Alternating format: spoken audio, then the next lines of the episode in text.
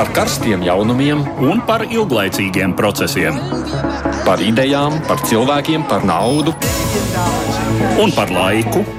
Par abām mūsu planētas puslodēm, un lietojot abas smadzeņu puslodes. Ēterā raidījums divas puslodes. Man sauc Aits Tomsons, tepat līdzās Edvards Liniņš, un šis ir raidījums divas puslodes, kad runājam par to, kas notiek pasaulē. Nu, dažas ziņas pieminēsim īsumā, trim tematiem veltīsim plašāku uzmanību. Lielbritānijā šonadēļ bija pulcējušies NATO valstu līderi, lai svinētu organizācijas 70 gadu jubileju. Tomēr retorikā svētku emociju bija pamaz. Starp NATO dalību valstīm valda domstarpības, un šķiet to pārvarēšana bija viens no galvenajiem uzdevumiem. Maltā nerimst protesti, pieprasot premjerministra tūlītēju demisiju.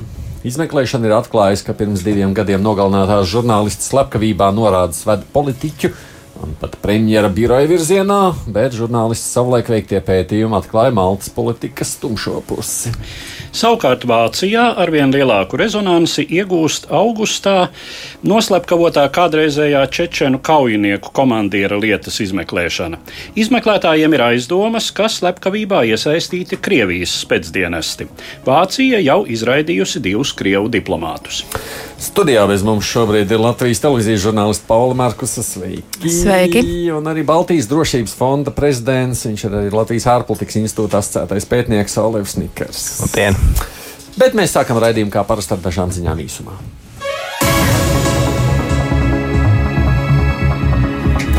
Digitālais nodoklis varētu kļūt par vienu no sāpīgiem klupšanas akmeņiem starp valstu attiecībās.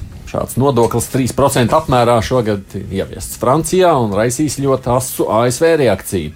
Savienotās valsts pirmdien draudēja noteikt muitas tarifus līdz 100% Francijas precēm gandrīz 2,5 miljārdu ASV dolāru vērtībā, kas faktiski nozīmētu Francijas eksporta apturēšanu.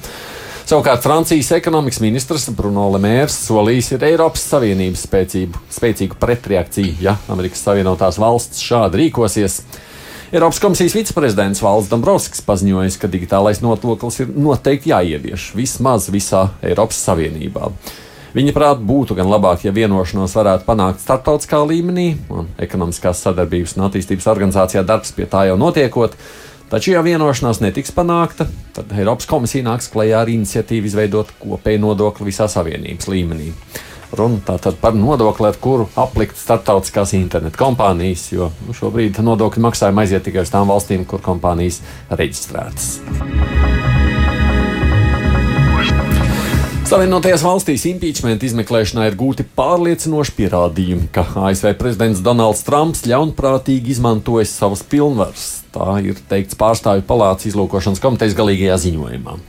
Apkopojot liecības, kuras kongress uzklausīja vairākas nedēļas, ziņojuma autori secinājuši, ka Trumps esot apturējis militāro palīdzību Ukrainai, lai to piespiestu uzsākt izmeklēšanu pret viņa sāncens, demokrāti iespējamo kandidātu uz prezidenta amatu Joe Bidenu.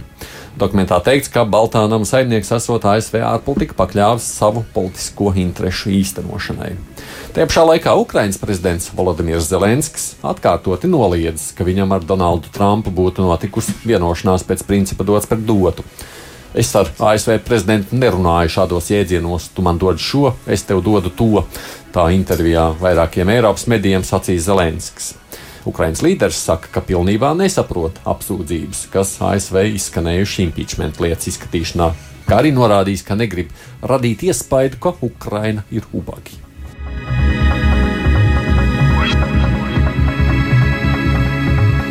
Īsts ir bijis Somijas valdības mūžs. Premjerministrs Ante Rinne otrdien atkāpās no amata un iesniedz savas valdības demisijas rakstu. Tā ir kritusi pēc strīda piecu partiju koalīcijas iekšienē. Centra partija bija izteikusi šaubas par premjeru pēc nesenā darba tirgus strīda valstī piedarošajā Somijas pasta operatorā Posti. 700 darbinieku pārcelšana uz zemāk apmaksātiem līgumiem izraisīja 17 dienas ilgu streiku, kas beidzās pagājušā nedēļā. Jāpiebilst, ka Sociāldemokrātiskās partijas līderis Rinne kļuva par premjerministru tikai vasarā, jo pavasarī bija vēlēšanas. Tagad sociāldemokrāti izvirzīs citu kandidātu premjeru amatam un mēģinās izveidot jaunu valdību. Gatavību pārņemt amatu jau ir izteikusi līdzinājā satiksmes ministra Sanna Marina, kas ir Rinnas vietniece partijā. Nu, viņas ar valdību izveidot jau līdz nākamajai nedēļai. Šonadēļ beidzies viens no Eiropā ilgākajiem skolotāju streikiem šoruden. Horvātijā skolēni otrdien atgriezušies skolās pēc vairāk nekā 36 dienas ilguša skolotāju streika, kas tika rīkots ar mērķi panākt algu palielināšanu. Šis arī ir bijis valstī visu laiku ilgākais streiks. Arotbiedrība piekritusi pārtraukt streiku pēc tam, kad valdība piesolīja pakāpeniski palielināt skolotāju algas. Sākotnēji skolotāji pamatskolās un vidusskolās rīkoja tādu daļēju streiku, rotējot starp skolām, bet nu, nesen tas tika paplašināts, lai katru dienu aptvertu visas skolas. Skolotāji un citi izglītības sistēmā strādājošie protestēja, jo viņu atalgojums ir zemāks salīdzinājumā ar citu valsts sektoru darbinieku algu. Vispār jāpiebilst, ka šogad vairākās Eiropas valstīs ir notikuši tieši pedagoģa streiki un protesta akcijas. Pārāk uzmācīgi sūdzēties nav labi. To tagad nākas secināt kādam pensionāram Japānā. Japānas policija ir aizturējusi pensionāru, kurš ar nepārtrauktām sūdzībām un zvanīšanu traucējis telefonu sakaru operatoru darbu. Izmeklēšanā atklājās, ka viņš ir piezvanījis telefonu sakaru operatoram 24,000 reižu, sūdzoties, ka kompānija ir pārkāpusi līgumu. Pagājušā nedēļā tad, nu, policija aizturēja 71 gadus veco Akitosi Okamoto pēc tam, kad viņš astoņu dienu laikā uz operatoru KDDI klientu apkalpošanas dienas bezmaksas tālruni bija piezvanījis arī simtiem reižu. Bet nu, tā bija izrādījusies tikai aizberga virsotne. Vietējā medija ziņo, ka viņš no publiskiem maksas telefoniem zvanīs vēl tūkstošiem reižu, lai paustu savu neapmierinātību ar kompāniju un arī aizskartu klientu apkalpošanas dienas darbiniekus. Viņš pieprasīja, lai operatoru personāls ierodas pie viņa un atvainojas par līguma pārkāpšanu. Tagad pensionārs aizturēts aizdomās par uzņēmēju darbības krāpniecisku traucēšanu. Bet nu pievēršamies tagad sākumā minētajiem tematiem un vispirms par NATO samitu. NATO valstu vadītāju tikšanās, kas šonadēļ notika Votfordā, Londonas pievārtē, bija jubilejas samits. Nu jau 70 gadus Ziemeļatlantijas aizsardzības organizācija ir spēcīgākā militārā alianse pasaulē, kas pirmām kārtām nodrošina Eiropas demokrātiju aizsardzību pret iespējamiem ārējiem militāriem draudiem. Alianses pastāvēšanas pirmās desmitgades tā veidoja pretsvaru Padomju Savienības un tās satelītu militāriem spēkam. Līdz ar to pēc totalitārās superlielvalsts un tās balstītās Varšavas līguma organizācijas sabrukuma NATO Eiropas dalību valstu vidū iestājās zināma militāri stratēģiskā bezrūpība, kas izpaudās arī pamatīgā militāro budžetu samazināšanā. Faktiski vairums problēmu, kas apēnoja jubilejas svinību spožumu, tā vai citādi ir šo miera desmitgažu mantojums. Tie ir gan Savienoto valstu prezidenta Donalda Trumpa regulārie pārmetumi Rietumēropas partneriem, pirmkārt jau Vācijai par nepietiekamo ieguldījumu aizsardzības budžetā, joprojām nesasniedzot vēlamo 2% robežu, gan Francijas prezidenta Emanuela Makrona samita priekšvakarā klajā laistā metāfora salīdzinot NATO stratēģijas trūkumu ar smadzeņu nāvi. Ar šo problemātiku sasaucas arī Turcijas un tās līdera Radžipa Taipa Erdogana pēdējā laika rīcība, bez saskaņošanas ar aliansi izvēršot militāro operāciju pret kurdu pašaizsardzības spēkiem Sīrijas ziemeļos un iepērkot Krievijā ražotu pretgaisa aizsardzības sistēmu.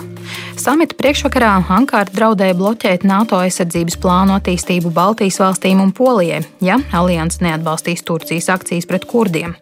Līdz ar to samits sākās visai uzlādētā gaisotnē un nos nosprākšķēja neviena verbāla dzirkstele. Prezidents Trumps veltīja prezidenta Makrona izteikumiem apzīmējumu nestī, kas šajā kontekstā visdrīzāk tulkojams kā bīstams. Prezidents Makrons vēlreiz uzstāja savu redzējumu pareizību un pie reizes asi kritizēja prezidenta Erdogana rīcību. Savukārt kāda televīzijas kamera notvēra Kanādas prezidentu Justinu Trudeau kuluāros izsmejot Donaldu Trumpu, kura izteikumu preses konferencē atstājuši viņa komandu ar citējot atkārtiem žokļiem. Tomēr samita otrā diena iezīmēja vismaz ārēju izlīdzinājumu. Piedraudētā Baltijas un Polijas aizsardzības plāna bloķēšana no Turcijas puses tā arī neīstenojās, un NATO ģenerālsekretārs Jens Stoltenbergs steidzās apliecināt tālāku virzību plāna attīstībā un visu dalību valstu nelokāmu uzticību alianses statūtu 5. pantam.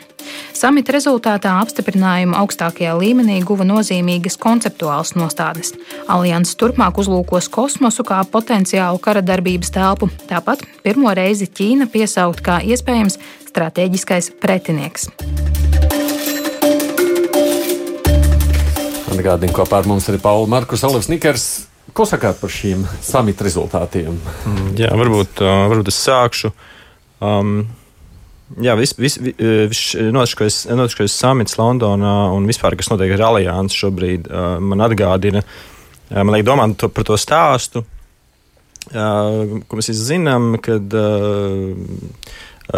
karalis bija Kails, par spīti tam, ka visi gal, galvenieki teica, ka karalis tomēr ir labi saģērbies. Kāpēc man nāk prātā šāda asociācija? Ir tas, ka um, tas, kas šobrīd ir noticis ar NATO, un, un, un kas, mums, kas man personīgi dara, dara bažīgus, ne tikai man, bet arī citus analītiķus, analītiķus un tos, kas seko līdzi, ir tas fakts, ka NATO vienotība ir sašķobījusies.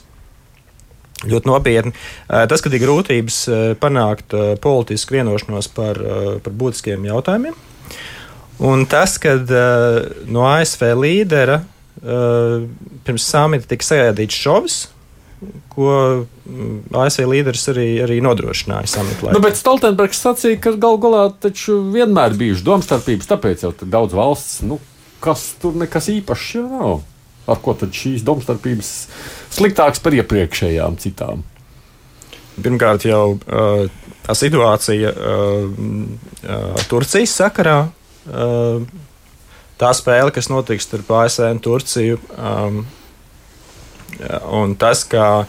Um, um, tas, ka, tas, ka Turcija ir arī tas, ka Turcija, kaut, kaut ar to, ka Turcija pateica to, ka viņa iespējams neatbalstīs, ka viņa, ne, ka viņa neatbalstīs mm -hmm. šos Baltijas sardzības plānus, jau vien parāda to, ka tas ķīlis tajā vienotībā jau ir iedzīts. Tik daudz, ka varbūt tajās iepriekšējās reizēs, nu, Pauli, tavs domas, jo, man liekas, iepriekš mēs tādus, nu, tik ļoti skaļus tādus apgalvojumus nedzirdējām, vai ne? Šoreiz viss tā publiski ļoti redzams. Jā, bet es domāju, ka neskatoties uz visām šīm peripetijām un arī uz šo šovu, ko Trumps mums kārtējo reizi uzveda, pats svarīgākais tomēr ir tas rezultāts, ka tika panākts alianses atbalsts Baltijas un Polijas aizsardzības plānam, arī par spīti Turcijas piesolītajiem mm. veto.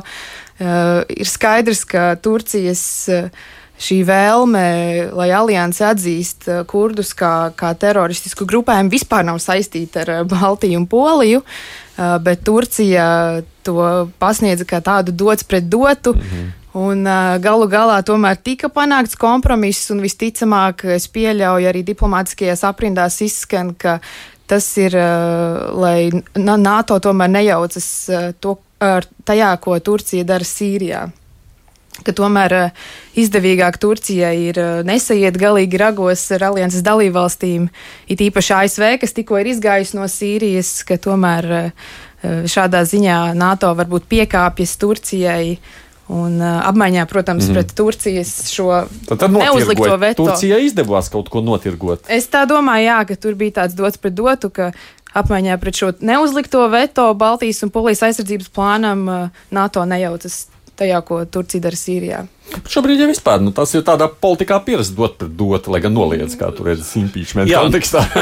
Nē, nu, dots pret dotu, protams, politikā.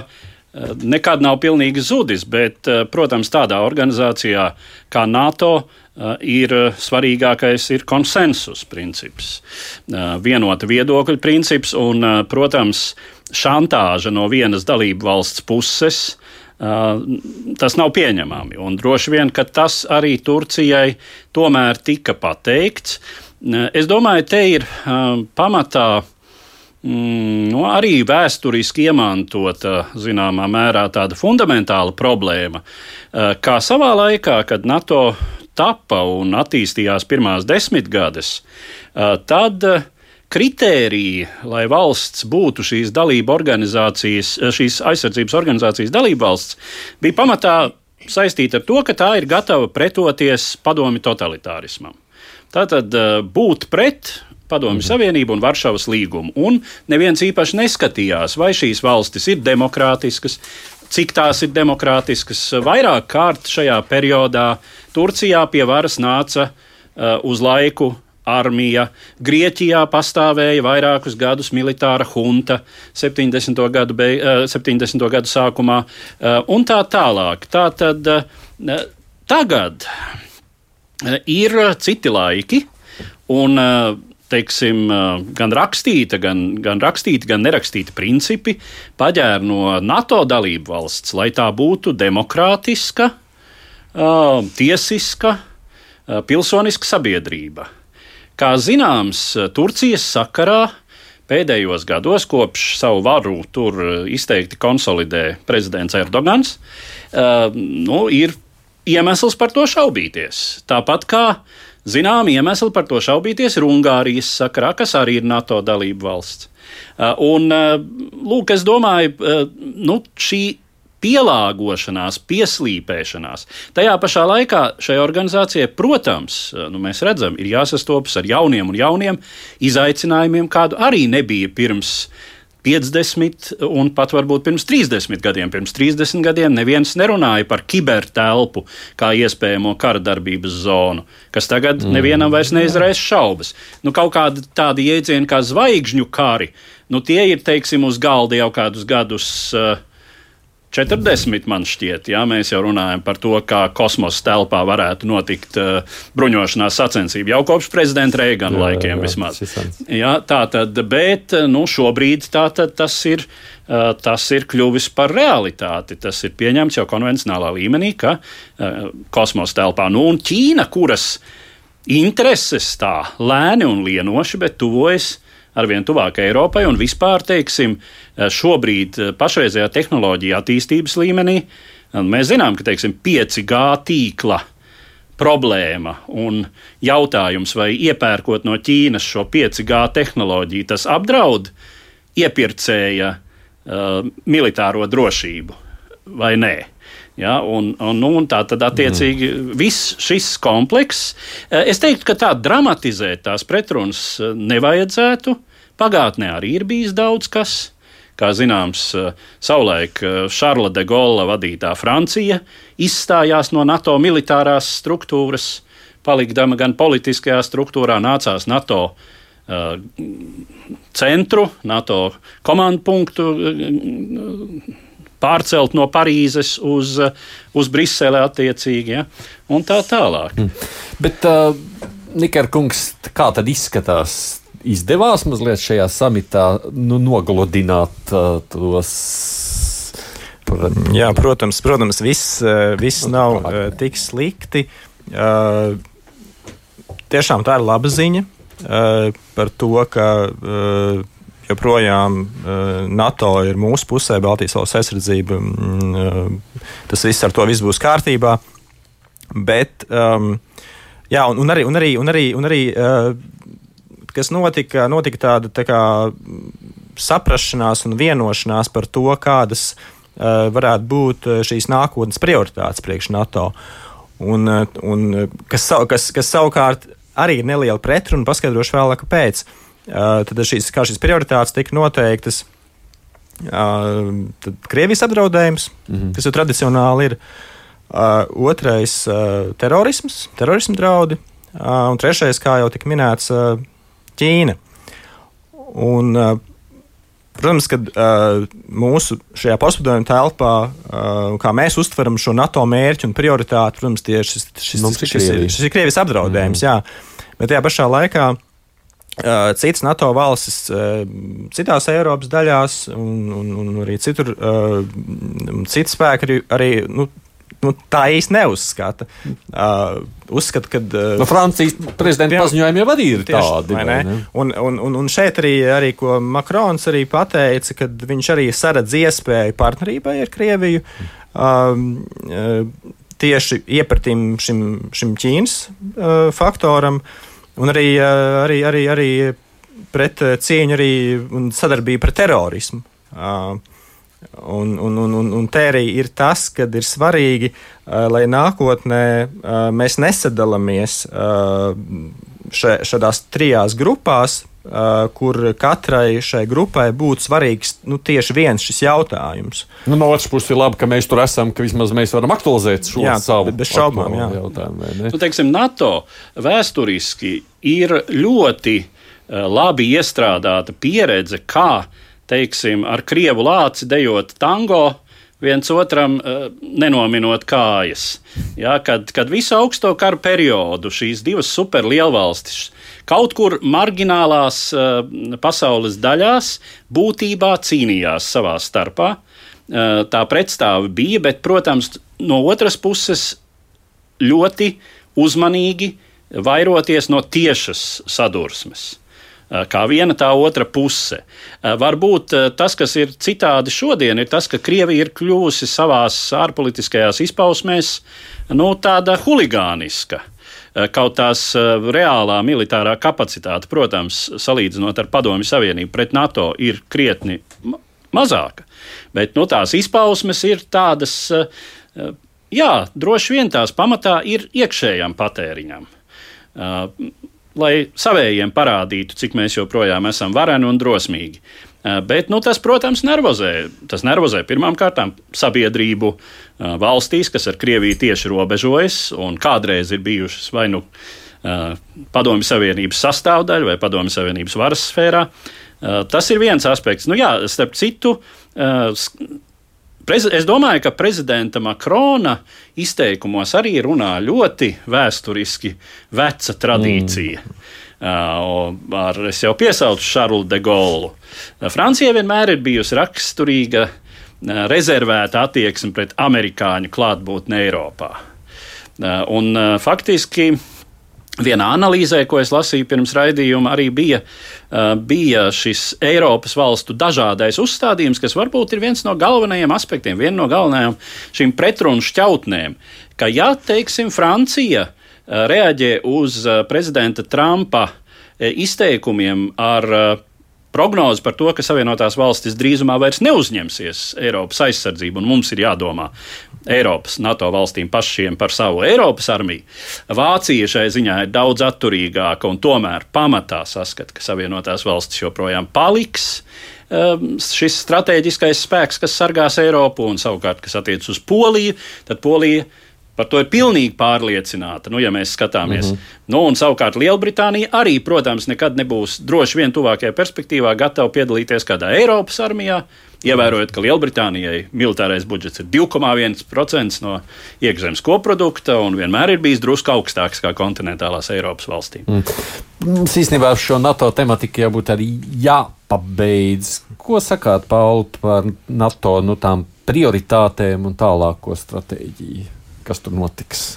Es īstenībā gribēju vēl paturpināt par Turciju un arī saistībā ar uh, attiecībām ar Krieviju. Īstenībā šī nav pirmā reize, kad izskan kaut kādas bāžas, ka Turcija varētu nepiedalīties šajā piektā panta iedarbināšanā mhm. ar savu veto, jo uh, Turcija, kā zināms, draudzējas ar Krieviju arī militāri. Uh, Turcija iepērk gaisa aizsardzības sistēmas no Krievijas, kas patiesībā nav saderīgas ar NATO sistēmām, tāpēc arī eh, Turcija tika izmesta no vienas eh, iznīcinātāju programmas un ASV pat apsvēra sankciju izvirzīšanu pret Turciju.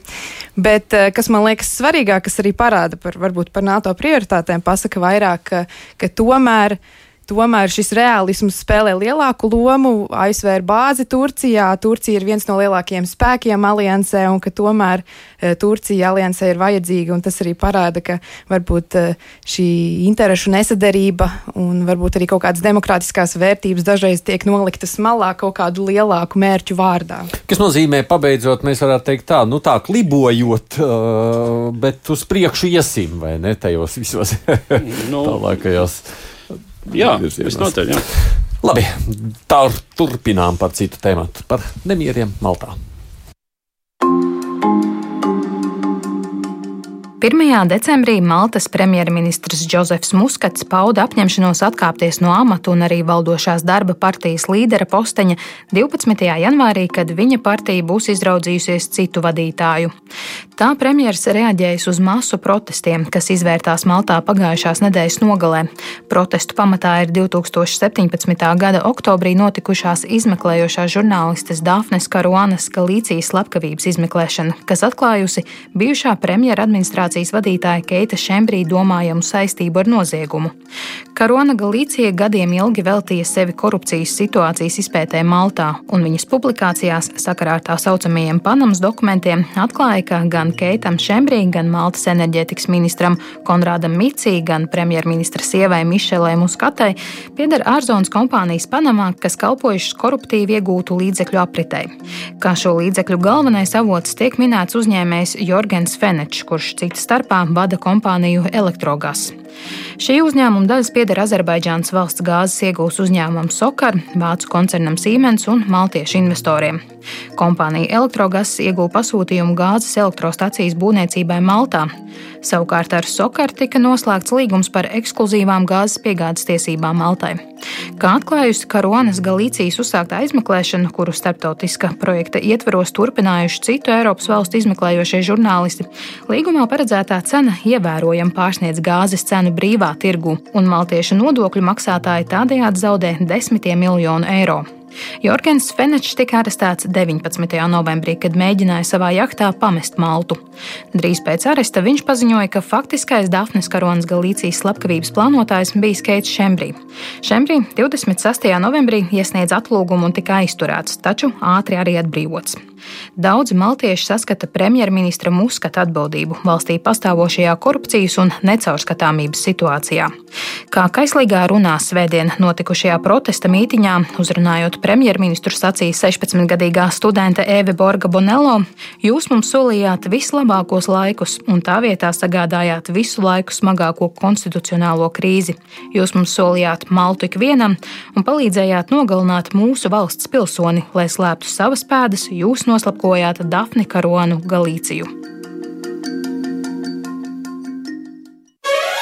Divas puslodes!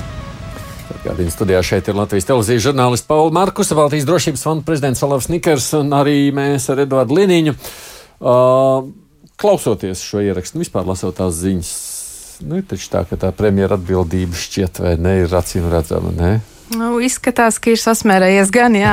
Pat ja nav galvenais, uh, galvenais idejas autors, tad noteikti viņam pietuvinātie cilvēki varētu būt iesaistīti šajā slepkavībā, bet es domāju, kā jau tas bieži vien ir šādos gadījumos un šādās valstīs ļoti korumpētās būs grūti pierādīt, kas ir tas īstais izpildītājs.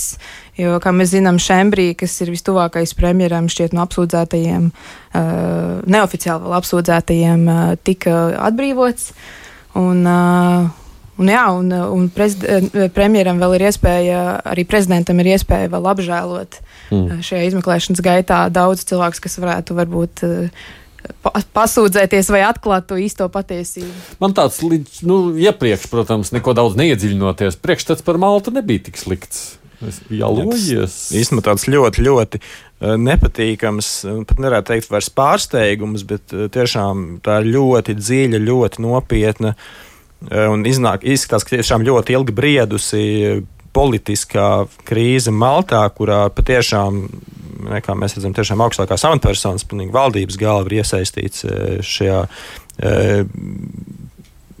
Šajā, šajā, šajās darbībās, kas, kas ir rezultējusies ar izmeklējušās žurnālistas nāvi, um, kas liek patiešām uh, aizdomāties par to, kā, kā, kā vispār mēs varam um, Eiropas Savienībā ne, runāt par likumu varu, par vienotiem standartiem, uh, par, par, par iespēju taisnīgumam un, un, un, un, un patiesumam, ja, ja tiešām mums ir, mums ir šāda valsts, kurā faktiski šī situācija ir vienkārši pilnīgi nepieņemama. Un, Ir grūti pat iedomāties, kā ar šādu lietu var tikt galā viena valsts. Tas šajā brīdī tas, tas tiešām ir Tas jā. ir šausmīgi. Mums likās, ka nu, Latvijā labi. Mēs Latvijā pat nevaram iedomāties tā vairs. Īsti. Tādus vair, jā, es gribētu piekrist, ka vairs, vairs īsti jā. mēs Latvijā tādu situāciju nevaram iedomāties. Jā, nu mums par laimi nav bijušas žurnālistu slepkavības, par kurām būtu aizdomas, ka viņi uh, ir, ka tās ir pasūtījuši ar valdību saistīti cilvēki vai, nu, teiksim, cilvēki no elites, un ka tur būtu tādas intereses, lai gan, nu, cik es zinu un atceros, tad draudi žurnālistiem Latvijā gan pirms gadiem 15, 20 90. gados ir vairāk, izskanējuši. Jā, jā. Ja? Uh, ar, ar norādījumiem labāk ar to vai to tematu nenodarboties, jo nu, kā jūs bērniem ar veselību? Ja? Uh, attiecīgi. uh, Mums tas nav nekas neparasts. Tas, kas varbūt, protams, uh, mm, nu, tā, nu, mēs bijām varbūt iedomājušies tajā brīdī, kad stājāmies Eiropas Savienībā, ka nu, tās dalību valstis, kas tur ir iekšā, lai gan nu, nu, tā chronoloģiskā starpība jau starp Maltu un Latviju. Maltu un. Latviju. Mm. Es pat tad neatceros, viņi iestājās kopā ar, ar mums vai, vai iepriekšējā kadencē. Iepriekš. Jā, nu, laikam ātrāk. mazliet agrāk, ja, bet nu, arī tā tad pietiekami jau nesen. Un mēs zinām, ka vispār šī vidusjūras zona, kura gan demokrātijas iesakņotības ziņā, un jo sevišķi mm, koruptīvu attiecību ziņā, nu, Malta galu galā ir turpat līdzās Itālijai. Un uh, Itālijas tradīcijas šai ziņā mm. mums arī ir labi Nu, zināmas. jā, Kolēģis un vēl joprojām 2004. pastāv. gads iestājušies, tā kā turpat vien esam. À, nu, jā, nu, tā tad beigās. tieši ar, ar mums, jā, Jā. jā. reizē. Un, uh, un, uh, nu, jā, uh, es domāju, ka te ir varbūt uh, mm, nu, tāda specifiska, ļoti mazas valsts problēma, uh, jo, cik var saprast, Maltā īsti nav uh, politiskas konkurences, nu, vai, vai drusku politiskās konkurences deficīts. Uh, piemēram, šis pats, uh, um, uz, uh, šis pats uh, tātad Keits Šembrī, piemēram, uh, pirms tam ir bijis saistīts ar otru partiju, uh, kas ir Maltas Nacionālistu partija, nu tā kā labējāks spēks. Un pat, uh, ja es pareizi atceros, tad um, finansiālo uh, lietu ziņā saistīts, un, un te jau vai ar viņa palīdzību, uh, ar viņa piesaistītiem līdzekļiem ir izdzīvojis. Uh, Um, uh, šīs, nu, faktiski šī, šī partija ir izdzīvojusi pirms iepriekšējām vēlēšanām. Tad tā darba partija ir konkurējošā. Un te viņš lūk, atkal ir darba partijas, uh, tā sacīt, komandā. Uh, Reputācija jau šim Keitam Šembrīd, diemžēl, ir bijusi diezgan sen apšaubāma. Nu, tāda katrā ziņā nespoža. Un droši vien uh, parlamenta vēlēta ministra portfeli viņš nebūtu dabūjis, kā par viņu izsakās. Bet tā kā premjera biroja vadītājs, administrācijas vadītājs ir nevis eh, vēlēta, bet premjera darbā pieņemta persona, amatpersona, tad viņš šajā amatā ir. Un te nu jāsaka, ka tiešām uh, Džozefs Muskats viņu ir cītīgi visu laiku stutējis. Jā, Jā. Jā. īstenībā par to divpartiju sistēmu runājot, tā var, varētu pat būt viena no ļaunuma saknēm, jo es biju Maltā pirms Eiropas parlamenta vēlēšanām, un vēlētāji tur teica, ka īstenībā nav svarīgi, kura partija ir pie varas, abas ir sliktas, jo neatkarīgie kandidāti nevar reāli pretendēt uz amatiem, un, un abās lielajās partijās, kā jau mēs dzirdējām no Liniņa kunga, ka šie cilvēki bieži vien maina, vienkārši apgriež otrādi kažoku. Un, uh, viņi visi ir īstenībā lielākā daļa iesaistīti kaut kādās finansiālajās schēmās, kas jau ilgus gadus. Bet Latvijā jau sen būtu trešā partija tādā gadījumā izveidojusies. Kas tur Nu, viņiem jā, viens? Latvijā, bet, bet Rīgas domē.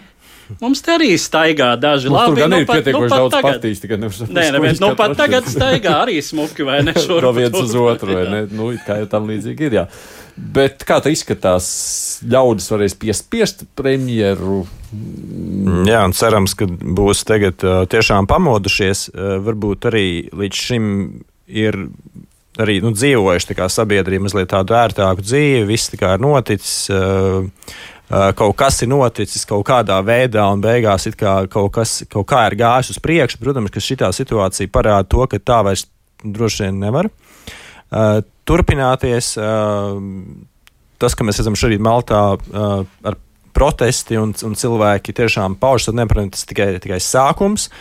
Un, un cerams, ka tiešām nu, s- atmoda, bet sabiedrība pamodīsies un, un, un, un, un sāks aktīvāk tiešām sekot līdzi.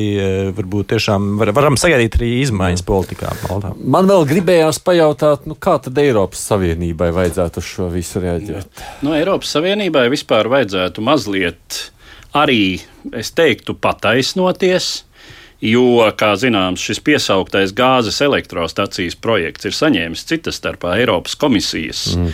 Atbalstu un apstiprinājumu. Šis finansējums ar Eiropas, cik es saprotu, līdzfinansējumu tas ticis būvēts. Un tur kaut kā nevienam neienāca prātā paskatīties, vai tomēr. Bet, nu, jā, acīm redzot, ja konsorcijā vai respektīvi šai šai um, um, uzņēmumā piedalās ne tikai šis SOKAR, kas mm. ir Azerbaidžānas. Konkursus vajag mācīt, bet, organizēt pareizi. To mēs no Latvijas pieredzes zinām. Nu, arī. Uh, un, un ne, nu, tiešām ir tā, ka Malta ir, Maltas problēma ir tā, ka nu, tik maza valsts, kas arī Eiropas līmenī tik maz ko ietekmē. Un droši vien, ka tur arī kāds kaut ko Briselē ir drusku palaidis garām. Uh, tur varbūt vajadzētu kādreiz pajautāt. Arī Viena vien no lietām, kas arī Briseli īpaši. Nu, kas, kas patiesībā tiešām ir, nav apmierinoši tā, ka jā, ir iespēja nopirkt par konkrētu naudas summu, ir iespēja dabūt uh, Maltas pilsonību, nopirkt pasi. Mm -hmm. Summa nav maza, bet šo iespēju līdz šim ir izmantojuši tuvu vai tūkstots uh, cilvēku. Jā, šie ziedotāji, uh, un, un, un, un tur ir turpat vai 2000 ģimenes locekļi, kas šobrīd ir uh, arī, arī šo iespēju izmanto, un, un, un, un, un, un arī valsts un Eiropas Savienības pilsoņi. Tā kā tas, tas, tas, tas, tas ir viens no tādiem kliedzošiem aspektiem, kas norāda tiešām uz šī tiesiskuma krīzi. Jā. Bet nu, Eiropa var mazliet vairāk mēģināt kaut vai nestāvēt malā tādā, ka šī izmeklēšana notiek. Jā, tieši izmeklēšanas kontekstā Galicijas ģimene ir prasījusi Briselī uh, sākt pārkāpumu procedūru pret Maltu, iedarbinot 7. pantu, kas varētu atņemt balstiesības šajā blokā. Uh, Bet nu, pagaidām neizskatās, ka Brisele atsaucas uz šo. Nu jā, nu, Brisele. Malta nav vienīgā, kā zināms, valsts, kurai ir problēmas ar korupciju. Par to mēs jau daudzkārt esam runājuši. Un, uh, visdrīzāk, ka nu, šis process būs tā sacīt, pāraudzināšanas process. Cita starpā, starp citu, jau pirms gada esot Briselē un vērojot klātienē tā brīža decembrī notiekošo plenāru sesiju, tur tieši viesojās Maltas prezidents uh, un uh, uzstājās ar runu, uzrunājot eirodeputātus, uh, un viņš diezgan lielu savas runas daļu veltīja, mm, veltīja nu, teiksim, tādai, tādam apliecinājumam, ka Malta nav korumpēta valsts. Mm ka mums, mums viss ir kārtībā. Nu, protams, tas tādā, bija tādā deklaratīvā līmenī, un mēs redzam, kāds tam bija segums. Par slepkavībām mēs turpināsim tūlīt. Tās tikai kāda cita slepkavība izmeklēšana šoreiz Vācijā. Vakar Vācijas valdība paziņoja par divu Krievijas vēstniecības darbinieku izraidīšanu. Tas noticis pēc tam, kad izmeklēšana augusta nogalē Berlīnē noslapkavotā patvērumu lūdzēja Zelim Hanna Hangašvili lietā pārņēma Vācijas federālā prokuratūra. Kā paziņojuši prokurori, viņiem ir pietiekami pierādījumi tam, ka slepkavību organizējis vai nu kāds no Krievijas federālajiem spēcdienestiem, vai arī Čečenijas līdera Ramzana Kadīro padotie. Diplomātu izraidīšanas iemesls ir Krievijas nesadarbošanās lietas izmeklēšanā. Krievija jau paziņojusi, ka spērs attiecīgus atbildus soļus. Zelimhans Hangašvili bija viens no redzamākajiem čečenu komandieriem otrajā Čečenijas karā no 2001. līdz 2005. gadam. Pēc čečenu spēku sakāves viņš uzturējās Gruzijā, kur 2015. gadā jau piedzīvoja vienu slepkavības mēģinājumu. Pēc tam viņš devās uz Vāciju, kur pieprasīja patvērumu. Lūgums tika noraidīts, un brīdī, kad Hangašvili tika noslepkavots, viņš gaidīja drīzu izraidīšanu no valsts. Slepkava tika notverts brīdī, kad bija nogremdējis upē savu motociklu, slepkavības ieroci un parūku. Dokumentos viņš minēts kā Vadims Sokolovs, taču tā domājams ir viltus identitāte. Patiesībā tas varētu būt 1965. gadā Kazahstānā dzimušais Vadims Krasīkovs, kurš, kā domā prokurori, vainojams arī kādu uzņēmēju noslapkavošanā Maskavā 2013. gadā. Kā intervijā kanālam Deutsche Welle izteicies britu vēsturnieks Marks Galeotī, pašiem krieviem aizdomas par slepkavības organizēšanu ir īsta laikā. Daļa no krievu aprēķina ir pasniegt sevi kā tik neaprēķināms un bīstams, ka rietumiem nekas cits neatliks kā vienoties ar Maskavu. Šis izteikums ir visai zīmīgs tā saucamo Normandijas formātu sarunu kontekstā, kurām ar Krievijas, Ukrainas, Vācijas un Francijas līderu piedalīšanos jāatsāks jau nākamnedēļ. Ziņu kanālos gandrīz visi velk paralēlus šīs slepkavības izmeklēšanā notikumu Salisbury. Ko tad īsti šī slepkavība atklāja? No to, ka Krievija skaidri demonstrē, ka var nogalināt savus pretiniekus jebkurā valstī? Mm, jā, šī Krievijai nav pirmā reize, nu, nav pirmā reize, kad Krieviju saista ar uh, pasūtījumu slepkavību. Atcerēsimies, uh, Jā, Sergejs Kripels, atcerēsimies Sergejs Litinenko 2006. gads. Jā, un tagad uh, tiek izrādīti diplomāti, acīm redzot, nepārprotami fakti, kas to pierāda. Krievijas saistību vai Čečnijas saistību ar šo pasūtījumu slepkavību. Patiesībā tas ir ļoti, ļoti nopietns signāls. Un Un es man negribētos domāt, ka šis arī paies tāpat kā viss iepriekšējais. Jo, jo šeit tas tad varētu citādi paiet. Mm. Nu, ko tam nu, nu, vismaz... ko, ko sabied... starptautiskā sabiedrība var izdarīt? Uh, jo, nu, nu, jā, tas, jo, jo, te ir, jo te ir pilnīgi, uh, tad, ja tiešām šie pierādījumi eksistē, uh, protams, tas, tas, tas uh, mazinās iespēju, kad, uh, kad varētu pierunāt teiksim, mazināt sankcijas pret Krieviju, varētu kaut kā, var, varētu runāt par kaut kādu attiecību, partneru attiecību uzlabošanu vispār, jo nu, par to nevar runāt, tāpēc, ka tas, eh, šis, eh, šis, šis, šis Putina režīms vienkārši tev sen ir pierādījis, ka eh, partnerība nav iespējama, un šis ir viens no tiem gadījumiem, kas kliedzoši to apliecina un kas varbūt tās atvērs acis eh, vēl kādam skeptiķim vai kādam, kas ļoti vēlās šo partnerību uzlabot. Nu, šī tā reize, protams, kad savukārt tā, nu, izmeklētājiem pats slepkava beidzot ir rokās, jo iepriekš jau nu, Krievija neviens neizdeva. Nu, šajā reizē viņi paši dabūjuši savos rokās. Jā, runājot par tām sekām, vēl man atkal liekas, ka tieši reakcija nebūs tik asa kā Skripaļa mm. gadījumā, kad Eiropas valstis vienojās un kopumā izraidīja vairāk nekā simt krievu diplomātus, jo tomēr Vācijai ir tuvākas attiecības ar Krieviju nekā ASV vai Lielbritānijai. Un Vācijai tomēr Krievi ir vajadzīgi tagad Nord Stream izbūvē, ir arī uh, vajadzīgi, lai saglabātu šo Irānas kodola vienošanos. Tā kā tur īstenībā intereses ir pat tuvākas nekā, nekā tas bija uh, Skripaļu gadījumā. Tā kā es domāju, ka īstenībā varbūt tālāk par šo divu diplomātu izraidīšanu Vācija nemaz nekas tāds nenotiks. Nu, kas attiecas uz Irānu, tad tur jau nemazāk ieinteresētas ir arī Lielbritānija un Francija.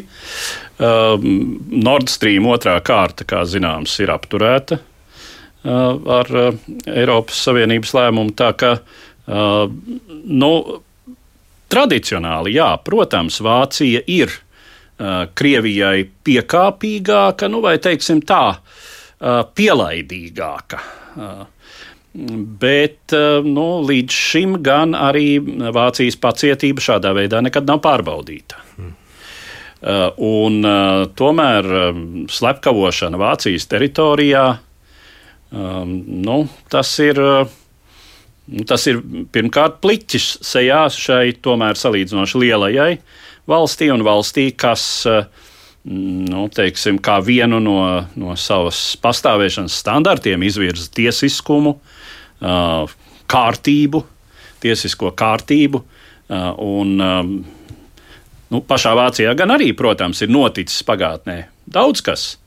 Ir, ir bijis gan, gan politiski motivēts terorisms, gan tā tālāk. Bet uh, apgalvot, ka Vācija to tā sacīt uh, apēdīs uh, ļoti labprāt, no to, to nevar.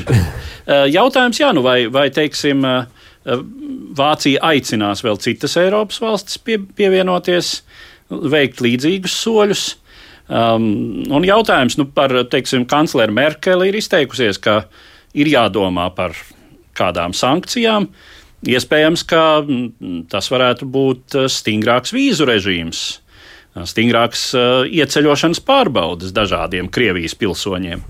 Un nav jau nemaz arī tik grūti, jo konstatēt, nu, teiksim, pieprasot pilsonim nopietnāku atskaiti par to, kas viņš ir un ar ko viņš ir nodarbojies līdz šim. Jo diezgan ātrā laikā jau tika konstatēts, ka šī identitāte varētu būt mākslīgi radīta apmēram pirms četriem gadiem, kad, tāds, kad tādi dokumenti uz šī Sokolova vārdu ir tikuši izsniegti. Un, un diezgan ātri arī tika konstatēts, kas varētu patiesībā būt šis Sokolovs. Tā kā iespējas ir. Mums ir politologs Kārls Daugšs šobrīd pie klausulas. Daugštkungs, labdien! Sveicināti! Jūsuprāt, ko no šī tagad būtu jāizsacina un kādas tam varētu visam būt sekas?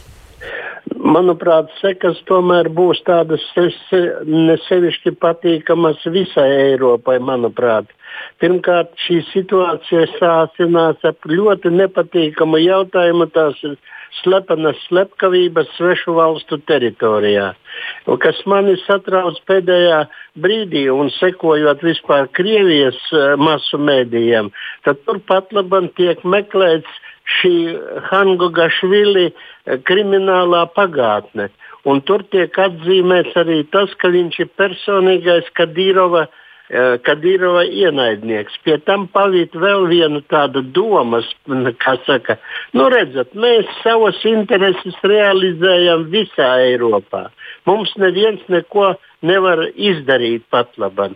Protams, tas, ko jūsu kolēģi teica mūsu uh, iepriekš par nepatīkamo situāciju Merkelei sarunās Normandijas formātā, protams, ka tas ir Viņai būs ļoti sarežģīti vispār runāties ar Puķinu šajos jautājumos, jo viņš liks uz galda vis, visas savas kārtas par teroristisko darbību un uh, seče, sevišķi čečēnu darbību arī pašā Vācijā. Tā ir tāda demagoģiska darbība, kura būs izmantota. Uh, bet, manuprāt, ka lielas tādas startautiskas, eh, tā sakot, šūmēšanās tomēr nebūs, jo jau šo divu diplomātu izraidīšanas laiks, kas ir parasti 24 stundas, ir, di, ir viena nedēļa. Jau tas parāda, ka šeit ir iespējami tā sakot, Krievijas, Vācijas dažne, dažādi kompromisi, saruniņas un sarunas uh, dažādos, dažādos līmeņos. Te ir uh, vesela rinda tādu vēl pazemes akmeņu, kuri ir, uh, vēl nav redzami, viņi tikai atklāsies tuvākajās dienās. Mm. Labi, paldies. Es jums saku, politologs Kārls Daugšs, nu, kas iezīmē tādu ainu, nu, klausoties tajos skeptiskākajos. Jūs teicāt, ka varbūt būs asāka reakcija, sakot, nu, tur jau sabiedriskā. Jā, bet, bet jebkurā gadījumā šis ir tāds ļoti liels un nesmugs straips uz, uz šīs Krievijas un Vācijas nu, draudzēšanās. Visām šīm attiecībām, un jebkurā gadījumā šis ir tāds vēl viens, vēl, vēl viens nodarījums Krievijas kontā, Uh, kurš, uh, kurš, kurš liek domāt par to, ka nu jā, tuvākajā laikā kardināli attiecības ir Krievija labākajā, labākā virzienā ne, nemainīsies. Jā, tas, tas, tas, šīs izmaiņas nenotiks. Protams, var strīdēties par to, cik, cik, tieši, cik tieši šis gadījums radīs lielas konsekvences un cik būs liela šomēršanās vai nebūs. Protams, Merklē būs nērtības un tā tālāk, bet, nu, jebkurā gadījumā, nu, Krievijai to baigi nevajadzēja, tas, kas ir noticis. Un, un, un, es domāju, ka šī gadījumā. Nu, tas, ne, ne, nu, protams, ka tas, tas, ir, tas, ir, tas, tas, ir, tas ir zaudējums arī Krievijas šajā publiskā diplomātijā un tā tālāk. Arī attiecībās ar Vāciju par to šaubu nav. Nu, te jau ir vēl jautājums, vai tas gadījumā nav noticis bez Krievijas izlūkdienestu un centrālās varas mm. ziņas, vai tas nav Ramzana Kadīrova pirksts, ja tur ir runa par dzimtu naidu un šādu, uh, šādu asins atriebību.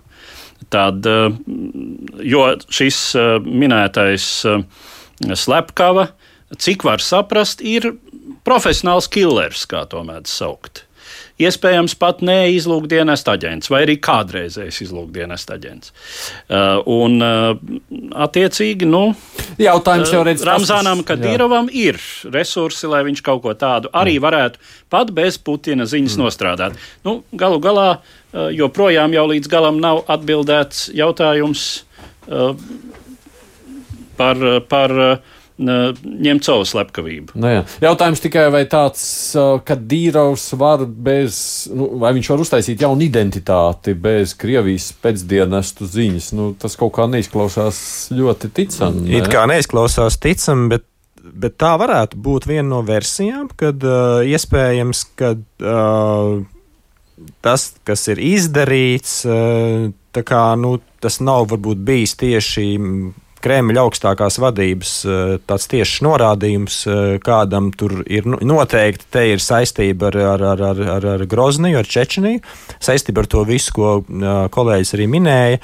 Un, un, tad, un tad tā iespēja, ka uh, tagad Kremlī varbūt daudz ir saķēruši galvas un, un, un, un apmēram no kas tagad ir noticis, kas, kas ir noticis, kāpēc noticis, uh, varbūt varēja nenotikt. Iespējams, tur, tur nu, tas nav viss tik ļoti viennozīmīgi. Mm. Nu jā, nu ka vienkārši Ramzāns ir paņēmis no skapīša bez. Uh, tā sacīt, noliktavas pārziņas mm. ziņas. Nu, iero, ieroci, ieroci ar nosaukumu Vadims Sokolovs un izmantojis ah. savam savām vajadzībām mazliet. Tā. Vienīgi ir gan izskanējis, man šķiet, Belinkādi bija izpētījuši, ka šī persona aizdomās turamā ir uh, iesaistīta arī citā slepkavībā, Jā. biznesmeņa slepkavībā Maskavā. Mm. Tā kā, nu, varbūt tur ir tomēr arī saikne ar, ar pašu Kremlu. Bet, nu, mēs vismaz uzzinām, ka Krievija kādā veidā izmanto bijušos teroristus savā labā. Tas ir veids, kā var. Nu, kas attiecas uz šo tātad, pseido-Sokolovu, respektīvi Krasikovu. Nu, viņš nav terorists, viņš ir, ja ir, tad viņš ir profes, vainu, vainu profesionāls. Es saprotu, ka viņš bija noķerts jau tā kā tiesāts pašā Krievijā vai vismaz izmeklēts, jā, un pēc tam pēkšņi. Mm. Nu, jā, pazuda. Nu, jā. par labo. nu, tā tad iespējams, ka viņam piedāvāja, viņam izteica piedāvājumu, kuru viņš nevarēja mm. noraidīt. Kāds, kā tas notiek padomju šobrīd Krievijas bijušajā padomjas pēcdienas sistēmā, tam ir ļoti sena vēsture. No Krievija vienīgais ir sacījis, ka viņi spērs līdz atbildes soļus un arī izraidīs diplomāciju. Tā mēs varam gaidīt. Nu, viņi tā draud. Tagad nevar saprast, kāda būs tā reakcija. Skaidrs, ka nākamnedēļ gaidāms uh, Ukraiņas miera sarunas un ka varbūt, varbūt tā reakcija būs tāda piebremzētāka, jo tomēr gan Krievijas, gan Ukraiņas interesēs ir panākt kaut kādas vienošanās. Uh, Ne, jebkurā gadījumā tas parādīsies arī šajās Normandijas sarunās. Tā jau Merkelis acīs, ka viņi neapies šo jautājumu, par ko droši vien Ukraina nav pārāk priecīga. Ja vien, te nu varētu, kā mēs redzam, tur viss savijas savā starpā, bet uh, jebkurā gadījumā kolēģi jau žurnālisti saka, tai vēl viss ir gaidāms un jāgaida, kurā brīdī Vācija nāks ar galīgiem rezultātiem. Viņi tos noteikti paziņos. Un, par šo tēmu vēl būs ko runāt. Paldies, ka atnācāt šeit. Tā mēs šodien divās puslodēs vairākus tematus pārunājām. Interesants temats, manuprāt, Latvijas televīzijas žurnālists Paula Markusa un arī Baltijas drošības fonda prezidents Latvijas ārpolitikas institūta asociētais pētnieks Olevs Nikers. Paldies jums! Nu, arī mans kolēģis Edvards Lieniņš, producēja jau Zeis, kā parasti studijā bija Reisaids Tomsons uz sadzirdēšanos. Divas puslodes!